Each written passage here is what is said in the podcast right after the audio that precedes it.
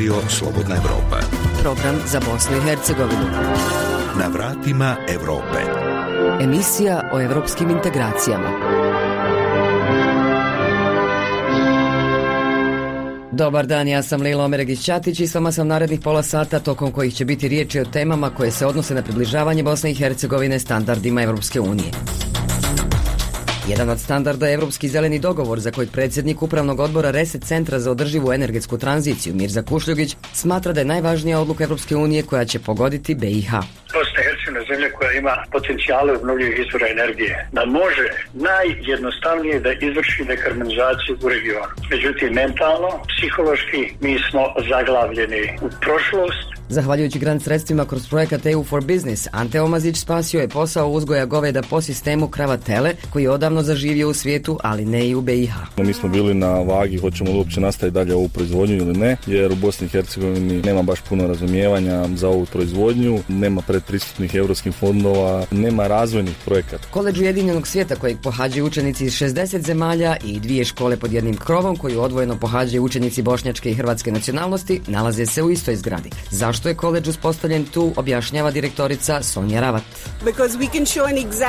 Jer mi možemo pokazati primjer o tome kako integrirano, inkluzivno obrazovanje se može dogoditi. Kako djeca iz različitih zemalja, kultura, nacionalnosti mogu se okupiti, učiti iz istog plana i programa, živjeti zajedno. To je definitivno primjer šta obrazovni sistem u BiH može slijediti i to joj može pomoći na putu da postane dio Europske unije zasigurno. Ostanite uz nas i poslušajte ove i druge priče koje ukazuju na kojoj dionici puta je Bosna i Hercegovina prema Europskoj uniji. Na vratima Evrope. Europski zeleni dogovor je najvažnija odluka Europske unije koja će pogoditi Bosnu i Hercegovinu. Tako Europski plan za borbu protiv klimatskih promjena u razgovoru za Radio Slobodna Evropa ocjenjuje profesor na Fakultetu elektrotehnike u Tuzli i predsjednik upravnog odbora Reset Centra za održivu energetsku tranziciju Mirza Kušljugić. Razgovarao Arnes Grebešić. Europski zeleni dogovor je strateški plan razvoja Europske unije u narednih 30 godina. Njegov cilj je dostizanje klimatske neutralnosti do 2050. godine, kaže univerzitetski profesor iz Tuzle Mirza Kušljugić. Europa ili Evropska unija namjerava do 2050. godine da prestane korištenje uglja, nafte i prirodnog gasa. Dramatičan novi koncept razvoja, čija realizacija je već počela. Profesor na Tuzlanskom fakultetu elektrotehnike i predsjednik Reset Centra za održivu energetsku tranziciju nema dileme. Strategija Evropske unije za borbu protiv klimatskih promjena je najvažnija odluka koja će pogoditi Bosnu i Hercegovinu, odnosno njen poslovni sektor. Ukoliko baš najveći spoljotrgovinski partner, a onda zbog toga i zemlje u vašem susjedstvu, u regionu Zapadnog Balkana, počinju sa primjenom novog koncepta razvoja koji se još naziva treća ili četvrta industrijska revolucija. I ukoliko je to proces koji je započeo, iako je to proces u koji ste dobili priliku da se uključite preko takozvane zelene agende za Zapadni Balkan, onda je jasno da se sve mijenja u našem okruženju, da se pravi jedan novi ekonomski i tehnički sistem i neuključivanje na vrijeme u te procese normalno da će imati daleko sežne posljedice. Zelena agenda za Zapadni Balkan predviđena je Europskim zelenim planom. Potpisivanjem deklaracije u Sofiji države regije, među kojima i Bosna i Hercegovina, obavezale su se da će sa Europskom unijom raditi na tome da do 2050. godine Europa bude klimatski neutralan kontinent. Mi smo potpisali Pariški klimatski sporazum, mi smo potpisali puno političkih odluka kojima iskazujemo spremnost da u ovom domenu zelenog plana koji se zove energetska tranzicija i dekarbonizacija slijedimo Evropsku uniju. Posljednji je u novembru prošle godine u kome smo prihvatili da transponujemo sva pravila koja Evropska unija evo već 14. jula obznamila. Naravno da prihvatanje reformi koje su neophodne da se provedu na tom putu zahtijevaju financijska sredstva i prateći dio zelene agende za Zapadni Balkan je ekonomski investicioni plan koji sadrži pored fondova IPA 3 donacija u iznosu od neke 14,2 milijarde i sredstva, posebna sredstva u ekonomsko-investicionom planu i u garancijskim fondovima, što znači da prevedemo postoje financijske podrške koje stoje na raspolaganju onim državama koje odluče da idu u ovome pravcu. Promjene u Bosni i Hercegovini su neminovne. Domaća proizvodnja električne energije je bazirana na korištenju uglja. Dvije trećine struje se proizvodi u termoelektranama, dok ostatak nastaje iz obnovljivih izvora, odnosno uglavnom u hidrocentralama u prosječnoj hidrološkoj godini. Trećina proizvedene struje iz Bosne i Hercegovine se izvozi. Promjena europskih propisa odnosi se i na druge industrijske grane. Europska unija koja će stalno da smanjuje dozvoljene emisije, što će za posljedicu imati stalno povećanje troškova za emisije CO2, takozvani troškova za certifikate, želi da zaštiti svoju industriju od nelojalne konkurencije zemalja koje nemaju uveden mehanizam plaćanja za emisije CO2. On se odnosi od 2026. godine na direktne emisije u sektorima proizvodnje željeza, čelika, aluminijuma, cementa, đubriva. To znači da će naša industrija koja izvozi u Europsku uniju doći pod udar dodatnih uvoznih carina. Za električnu energiju je data prilika pod uslovom da se u toku ove godine donesu odgovarajuće odluke i da se do 2026. godine implementiraju odluke od kojih je najvažnija odluka o uvođenju sistema oporezivanja CO2 unutar BiH omogućava da se postepeno u narednih deset godina izvrši prilagođanje našeg sektora, a to u stvari znači da se postepeno smanjuje proizvodnja električne energije iz uglja i vrši dekarbonizacija i izvrši substitucija proizvodnje koja je neophodna sa obnovljivim izvorima energije. Prema riječima profesora Kušljugića, ozbiljnih ili preciznije rečeno nikakvih diskusija u Bosni i Hercegovini o tome još nema. Na državnom i na nivou je da se zajedno sa sagledavanjem posljedice za najveće aktere, tu su elektroprivrede i termoelektrane stanari, napravi plan postepene dekarbonizacije, koji sada ne znači plan dekarbonizacije uvođenja ETS-a sljedećih 30 godina, nego već mnogo kraći period za realizaciju tog plana od nekih 10 do 15 godina. Pred Bosnom i Hercegovinom, koja ima bogate zalihe uglja, zapravo ne stoji mnogo izbora. Čitav svijet, a pogotovo Evropska unija, u cilju sprečavanja klimatske katastrofe je identifikao da je najefikasniji način smanjenja emisija CO2 prestanak korištenja uglja za proizvodnju električne energije. To se događa svugdje u svijetu. Zaboravimo na milijarde tona rezervi uglja o kojima se govori, premda je upitno da li ih koliko ima. Budućnost, ne zato što to mi hoćemo ili nećemo, je da će proizvodnja električne energije biti iz obnovljivih izvora, koji su već sada jeftiniji, nova tehnologija, čija je proizvodnja već sada jeftinija nego proizvodnja iz novih termoelektrana. Okretanje prema tehnologijama prošlosti u Bosni i Hercegovini je daleko od rješenja kojima teži Evropska unija i na koje se istovremeno obavezala i Bosna i Hercegovina, navodi univerzitetski profesor iz Tuzle Mirza Kušljugić. Na nama je da pratimo i da probamo da se prilagodimo. Paradoksalno. Bosna i Hercegovina zemlja koja ima potencijale obnovljivih izvora energije, sunca, vjetra, hidropotencijale, potencijale biomase, da može najjednostavnije da izvrši dekarbonizaciju u regionu. Međutim, mentalno, psihološki, mi smo zaglavljeni u prošlost, mi smo zaglavljeni u modeli 70. godina i što još najgore, mi smo još uvijek spremni da ulažemo u tehnologije prošlosti. Za radio Slobodna Europa iz Doboja, Arnes Grbešić. Slobodni uzgoj goveda, perspektive i dobre međunarodne prakse bila je tema seminara koji u Livnu okupio uzgajivače goveda sa područja cijele Bosne i Hercegovine. Organizovao ga je razvojni program Ujedinjenih naroda u okviru EU for Business projekta Europske unije. Konkretnije o čemu se radi, priču ima Željka Mihaljević. Uzgoj goveda sustavom kravatele odavno je zaživio u svijetu, no u Bosni i Hercegovini u začetku, a uvjeti za tako nešto na prostranim pašnjacima u Livnu i Županiji 10 više su nego dobri. Međutim, takvu proizvodnju država ne prati najbolje, pa i Ante Omazić, vlasnik i voditelj farme Pothum, nakon tri godine gotovo odustao od svoga dječačkog sna.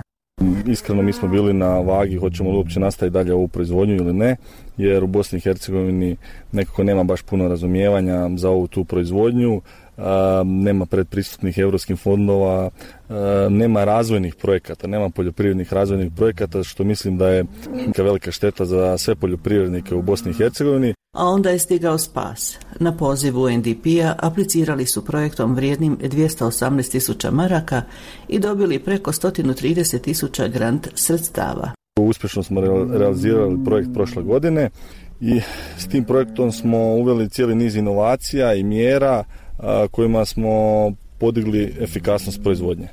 A mogu spomenuti vodoopskrbni sustav gore u u planini iznad nas gdje smo osigurali vodu 365 dana u godini na sedam različitih pašnjaka i ta voda je cijeli taj sustav e, pogoni se obnovljivim izvorima energije, tako da možemo reći da smo u tom pogledu samo održivi.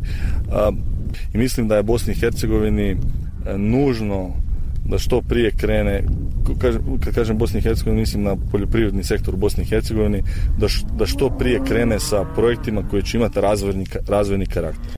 To je i bio jedan od razloga što je ovakav skup organiziran upravo u Livnu, kazala nam je Željka Vidović, koordinatorica EU for Business projekta za poljoprivredu i ruralni razvoj. Cilj projekta je da promoviramo dobre prakse, kao što znate, vjerovatno dolazite sa ovog područja, e, imamo ovdje primjer e, uspješne farme i podhum koja se bavi ovim specifičnim uzgojom sistemom krava tele i jednostavno naša ideja je bila da promoviramo takve e, dobre prakse među i drugim uzgajivačima na području cijele Bosne i Hercegovine.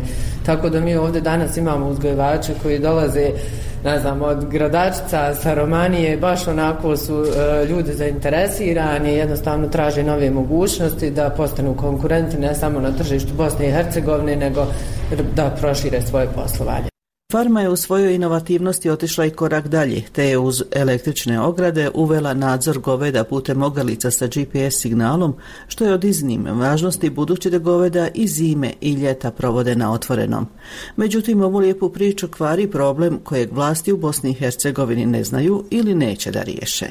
Veliki problem nam je izvoz e, mesa u zemlje Europske unije, što je nama neko prirodno tržište, pogotovo za vrijeme turističke sezone u susjednoj Hrvatskoj. Evo, mi smo tu dva kilometra zračne linije od Republike Hrvatske i tu postoji zaista velika potražnja za kvalitetnim mesom, pogotovo e, mesom koje je uzgojeno u skladu sa organskim e, ekološkim certifikatima, a evo, možemo samo gledati i ne možemo, ne možemo izvesti. Tako da mislim da to je za naš posao kojim se mi bavimo jedan velik hendikep i evo po ko zna koji put apeliramo na nadležne institucije, ministarstva i ljude koji vodi ovu zemlju da što prije usklade te programe i pravilnike vezano za izvoz mesa u, u zemlje Europske unije. Granica je veliki problem i proizvođačima livanjskog sira koji se radi na tradicionalan način od nepasteriziranog mlijeka.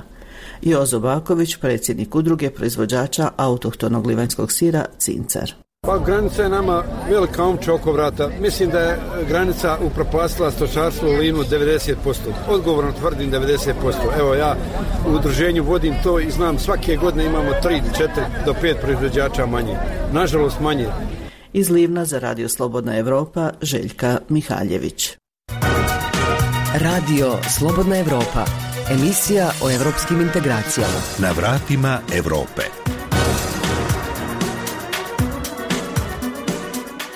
U nastavku obrazovanju u Bosni i Hercegovini postoji škola koju u prosjeku godišnje pohađaju učenici iz oko 60 zemalja iz cijelog svijeta koji se zajedno školuju, žive i učestvuju u van nastavnim aktivnostima. Radi se o koleđu Ujedinjenog svijeta u Mostaru iz koje poručuju da bi od njih mnogo mogao naučiti podijeljeni obrazovni sistem u BiH koja stremi ka Evropskoj uniji. Priča Mirsada Behrama. Na drugom, najgornjem spratu zgrade do rata čuvene Mostarske gimnazije Aleksa Šantić, koja se sada zove samo Gimnazija Mostar, smješten je koleđ Ujedinjenog svijeta Mostar, jedan od 18 takvih koleđa u čitavom svijetu. I dok se u prizemlju i na prvom spratu Mostarske gimnazije nastava odvija odvojeno na hrvatskom i bosanskom jeziku, na koleđu Ujedinjenog svijeta Mostar učenici iz oko 60 zemalja uzrasta trećeg i četvrtog razreda srednje škole obrazuju se na engleskom jeziku i po takozvanom takozvanom IB programu, odnosno programu međunarodne mature. Kažu nam da je sistem obrazovanja na koleđu sasvim drugačiji i da je fokusira na ono što đaci žele.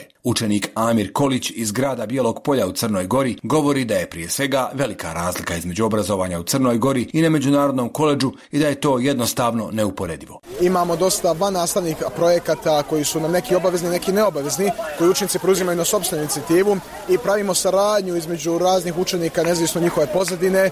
A upravo i jeste poenta u toj saradnji. Ivana Knježević, profesorica engleskog jezika koja u koleđu radi od njegovog početka 2006. godine, kaže kako je rad u ovakvoj školi kao da ste na nekoj drugoj planeti. Mi se obogaćujemo na nevjerojatan način, mi učimo o svijetu toliko i onda nam je samim tim i cilj da djece nekako pomognemo da otvore oči, znači da prilaze svakom pojedincu kao pojedincu, a ne da mu odmah stavljaju neke pečate odakle kakav je, kakav je mentalitet, ili neka zemlja ili druga nacija. Profesorica Knježević ističe da djeca na koleđu Ujedinjenog svijeta u Mostaru nemaju problema u međusobnoj komunikaciji i saradnji. Čak i kada dolaze iz konfliktnih područja svijeta, vremenom se vidi njihovo postepeno otvaranje. Nekako su u nekom nazove svom krugu ljudi samog početka, a onda kasnije vidite da se sami otvaraju, da se oduševljavaju stvarima koje nauče, koje vide, da vide da je taj neko iz desetog kuta svijeta, znači da ima neke slične interese ili pogleda na život kao oni. Slično razmišlja i učenica Noel Feza iz Sjedinjenih američkih država. Kaže da je trebalo dosta napornog rada kako bi dobila stipendiju, kako bi mogla doći u Mostar gdje je upoznala toliko mnogo ljudi iz drugih dijelova svijeta, ali su svi ujedinjeni oko zajedničke stvari, želje za istraživanjem drugačijih. Iako ne možemo ići jedni drugima u zemlje iz kojih dolazimo, upoznavanje ljudi iz drugih zemalja je skoro kao posjećivanje drugih zemalja. Čujete njihove poglede, njihove priče, pokažu vam se njihove slike, probate njihovu hranu, dobijete uvid u njihovu kulturu, njihovo nasljeđe, njihov stav o raznim pitanjima. A takvo razmišljanje o međusobnom zbližavanju kroz školu bilo bi i tekako korisno u Bosni i Hercegovini, zemlji koja zvanično teži članstvu u Europskoj uniji, ali u kojoj je obrazovanje i dalje etnički podijeljeno. Primjer je i Mostarska gimnazija koja je praktično slučaj poznatiji pod nazivom dvije škole pod jednim krovom. Show. Port parol koleđa Ujedinjenog svijeta u Mostaru Adla Velagić-Ćurić podsjeća da se od osnivanja 2006. godine na koleđu obrazovalo preko hiljadu učenika iz više od stotinu država cijelog svijeta. Svake godine primaju i određen broj učenika iz cijele Bosne i Hercegovine. I evo već 15 godina sve tri nacionalnosti, ako ćemo gledati jel, iz Bosne i Hercegovine, djeca dolaze iz svih krajeva, žive, uče i provode vrijeme zajedno i to rade vrlo uspješno i vrlo su sretni, mogu reći, ovdje u Mostaru. To potvrđuje i učenik koleđa Marko Lazić koji dolazi iz Bijeljine. Naše samo ime glasi Ujedinjeni koleđ svijeta i cilj naše koleđa jeste da budemo zapravo ujedinjeni. Smatram da šaljemo odličan primjer ne samo učenicima Mostarske gimnazije, nego učenicima cijele Bosne i Hercegovine. Učenik Amir Kolić iz Bijelog polja u Crnoj Gori dodaje. Ova škola je stvorena ovdje sa misijom ratnog pomirenja. Ova škola je ovdje sa misijom ujedinjanja kultura. Ovdje ima 80 različitih država koje svi zajedno idemo, učimo školu na jednom spratu, a s druge strane imamo dva sprata iste, za istu državu. Podjele u obrazovanju u Mostaru i Bosni i Hercegovini su jedan od razloga zašto je ovaj koleđ uspostavljen ovdje, kaže nam direktorica koleđa Sonija Ravat.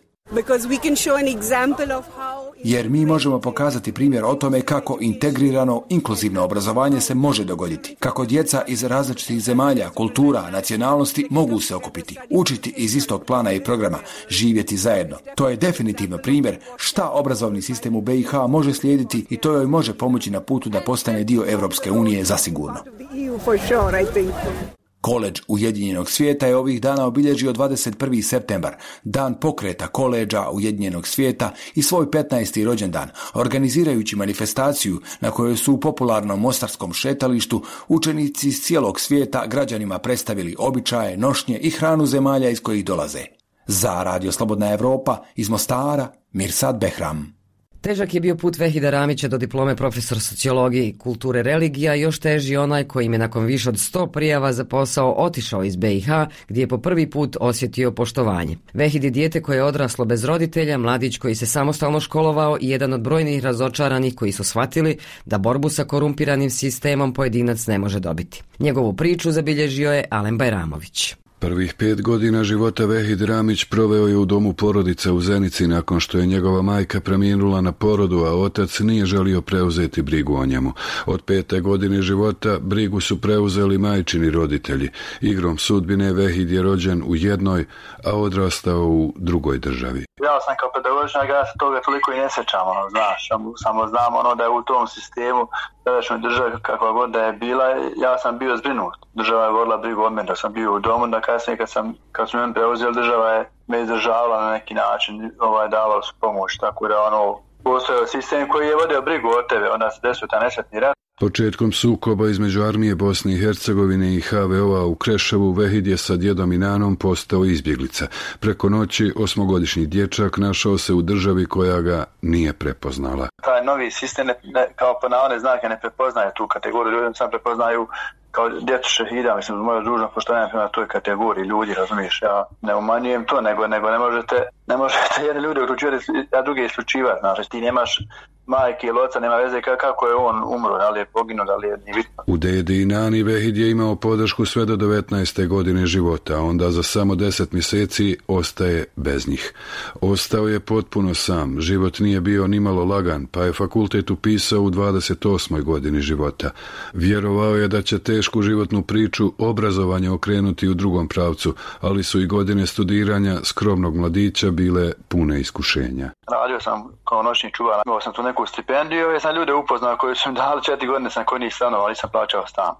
Mene nije baš bilo u interesu ni da obnavljam godine, da studiram sto godina, nego mi bilo da, da to što privedem kraju i tako da ono, moj studij će ostati meni pozitivno sjećan, iako je, vjerujte, bilo teških momenata i to sve.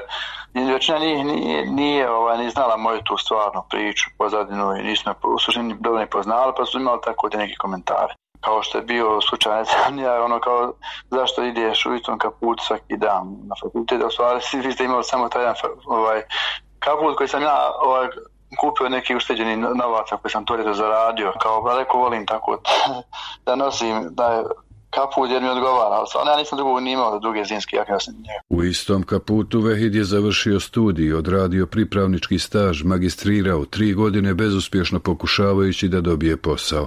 Nakon više od stotinu aplikacija shvatio je da za njega nema mjesta ni u rodnom Kreševu, ni u Sarajevu, niti bilo kojem drugom gradu. Ja ne tražim da meni neko nešto da, da. I onda se upravo to desi znači ovaj, da, da makoliko da nekakav svoj čovjek trud uložio je napor i sve to, ovaj, desi se ta situacija da vam neko, neki, neki ovaj, lokalni šerif dođe i kaže ne znam ja, sistemski šerif i kaže ne, ne možeš ti zato što ti, mi smatramo da ti ne pripadaš ovom društvu, ti, ti nemaš nikakvo nikakvo zalađe, nema nikakvog interesa od tebe, hajde, to je sad, pa drugi, pa put, pa stoti put jednostavno te nepravde, jednostavno to, to ponižavanje ljudskog dostojanstva i čovjeka te natjera da, da jednostavno kaže uzneš svega i Hvala, dođenja prija. Nakon fakulteta Vehid je završio i školu za njegovatelje. Dva mjeseca proveo je u Njemačkoj, a prije tri mjeseca pronašao posao u Rijeci u Hrvatskoj. Još se navikava na novu sredinu, ali kaže da je po prvi put osjetio da ga neko poštuje, a njegova plata veća je od plata njegovih profesora u Sarajevu. U kontaktu je sa prijateljima u Bosni i Hercegovini koji također pakuju kofere, a nakon svega mu je ipak žao što se ova zemlja tako lako oprašta sa desetinama hiljada mladih i školovanih ljudi. Bilo je i veći sistema, jači država koji su počivali na nepravdi zulum pa su propali pa tako će propasti. I taj sistem naš takozvani Dejtonski e sad je upitno na koji način i kojim će to ovaj, sredstvom to je već neka druga tema. Žao mi što mladi i sposobni ljudi odlaze iz države koji mogu riješiti Bosna Hercegovina nije toliko velika država koja ne, ne riješi problem ona vjerujte da te stručnjacima za pola godine će riješiti 90% problema. Samo treba dati ljudima, onima koji stvarno sposobni, koji hoće da rade ovaj, na dobrobit i sebe i drugi. Dakle, god naše političari ne uključe pamet u rješavanje problema, ovaj, mi ćemo se dublje tumarati u, tom mraku, beznađu, jer vi mislite da ćemo mi koji smo otišli iz države i Hercegovine da ulažemo u državu koja nas istirala. Toga mi neće. Da ja nekom novac dajem ko sjedi i ko ne radi ništa, ništa, ne samo što je uništio moju budućnost, nego uništio je moj djete, uništio moj unučeta, uništio svog unučeta tako da. Vehid je započeo svoj novi život, a o povratku će razmišljati kada Bosna bude zdrav sistem u kojem će biti važna stručnost, a ne čiji si i kojem toru pripadaš, kad vođenje države preuzmu stručni i sposobni i kad konačno prestane svakodnevno trovanje umova mržnjom, podjelama i najavama novih sukoba. Za radio Slobodna Evropa iz Goražda, Alen Bajramović. Emisiju Na vratima Europe možete i pročitati na našoj web stranici slobodnaevropa.org. Osim čuvenog starog ostrožačkog grada i dvorca u Unskosanskom kantonu ima još na desetine srednjovjekovnih utvrda. Na njihovoj revitalizaciji se radi, ali nedovoljno jer nema dovoljno ni novca. Ipak nekoliko programa je realizovano zahvaljujući prekograničnim projektima i europskim fondovima, a uz zaštitu i sanaciju u posljednje vrijeme radi se i na njihovom stavljanju u funkciju turističke ponude tog kraja. Ovo je priča Azre Bajrić. Srednjovjekovne utvrde i stari gradovi, manje ili više očuvani, prošarali su sjeverozapadni dio BiH. Osim starog ostrožačkog grada i dvorca kao najčuvenijeg, još je desetine drugih utvrda, osobito u Zunu i Koranu. Bahrudin Beširević, profesor historije. Ti gradovi od starog grada Ostrožac, koji je definitivno ovaj, Prijanca, preko starog grada Stijene, starog grada Cazina, Tržca, Šturlića, Pećigrada, Kule Radetine, Mutnika i tako dalje i tako dalje. To samo govori o bogatoj kulturno-historijskoj kulturno-historijskom blagu koje mi imamo na ovim prostorima. Dijelić ovog kulturno-historijskog blaga decenijama istražuje hrvatski akademik Enver Ljubović. Nedavno je upravo u ambijentu starog ostrožačkog grada promovirao svoje treće dijelo o ovoj temi. Stare utvrde i gradovi Cazina i Cazinske krajine. Neki su jako dobro sačuvani kao ovaj dvorac grofa Berksa ili kao Stijena ili Cazin sa onim bedinima ili Šturlić i tako dalje. Dok ostali su jako u lošem stanju. I naša zadaća je svih da tu svoju vrijednost, da svoj identitet čuvamo, koliko u glavi i da se educiramo, da malo učimo o tim našim gradovima. Na sanaciji, revitalizaciji i promociji starih gradova i utvrda radi se, ali nedovoljno. Nekoliko je programa realizirano i zahvaljujući prekograničnim projektima i europskim fondovima. Limitirajući faktor je naravno novaca, ne treba zaboraviti ni činjenicu da je 17 utvrda i gradova na ovim prostorima proglašeno nacionalnim spomenicima, što zahtjeva posebni pristup. Najviše sanacionih radova obavljeno je u kompleksu starog ostrožačkog grada, Šuven i po parku skulptura, mjestu raznih događanja sa predznakom promocije kulturno-historijske baštine, između ostalog i u cilju obogaćivanja turističke ponude. Ermin Beganović, direktor Kulturnog centra Cazin da sve one bitne artefakte, izložbe, e, muzejske postavke i sve ostalo što imamo da stavimo u funkciju turizma i da to naši ljudi mogu da pogledaju i da na takav način uče sve one informacije o našoj historiji nakon što je sredstvima iz europskih fondova izvršena sanacija starog grada Sokolac kod Bihaća i realizirano nekoliko projekata, turistička zajednica Bihaća starom srednjovjekovnom binom na Sokocu postigla je pun pogodak i ovo je postalo mjesto raznih zanimljivih dešavanja. Armin Amidžić, direktor turističke zajednice Bihaća. Naš e, fokus posljednjih godinu dana je srednjovjekovni grad Sokolac upravo iz razloga jer je turistička zajednica dobila upraviteljstvo nad tim gradom i mi želimo kroz narednih godinu dana da od tog e, srednjovjekovnog grada prije svega da ga upotpunimo sadržajem, a krajnji cilj je da taj grad i cijeli projekat postaje samo održiv. Siguran sam da će biti jedna od top tri lokacije u našem gradu kada je turisti budu posjećivali. Planovi vezani za stare gradove još su ambiciozniji. Nacionalni park Una tako ima namjeru izgraditi žičaru, koja bi povezala Kulen Vakuf sa starim gradom Ostrovica.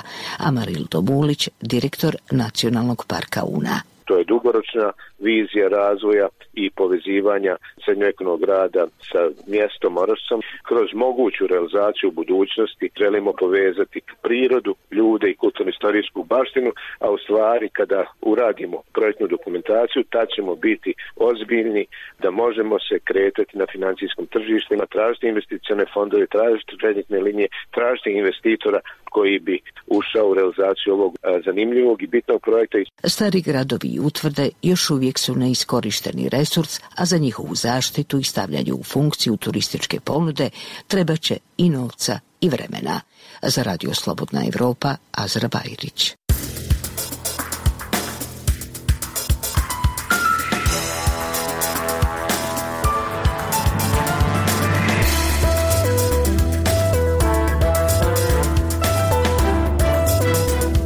To bi bilo to u ovom izdanju emisije Na vratima Europe. Sve naše sadržaje možete naći na web stranici slobodnaeuropa.org, dok podcaste zaviri ispod površine glasom mladih između redova, osim na web sajtu potražite i na Facebooku i Twitteru, kao i na Spotify, Google podcastima i iTunesu.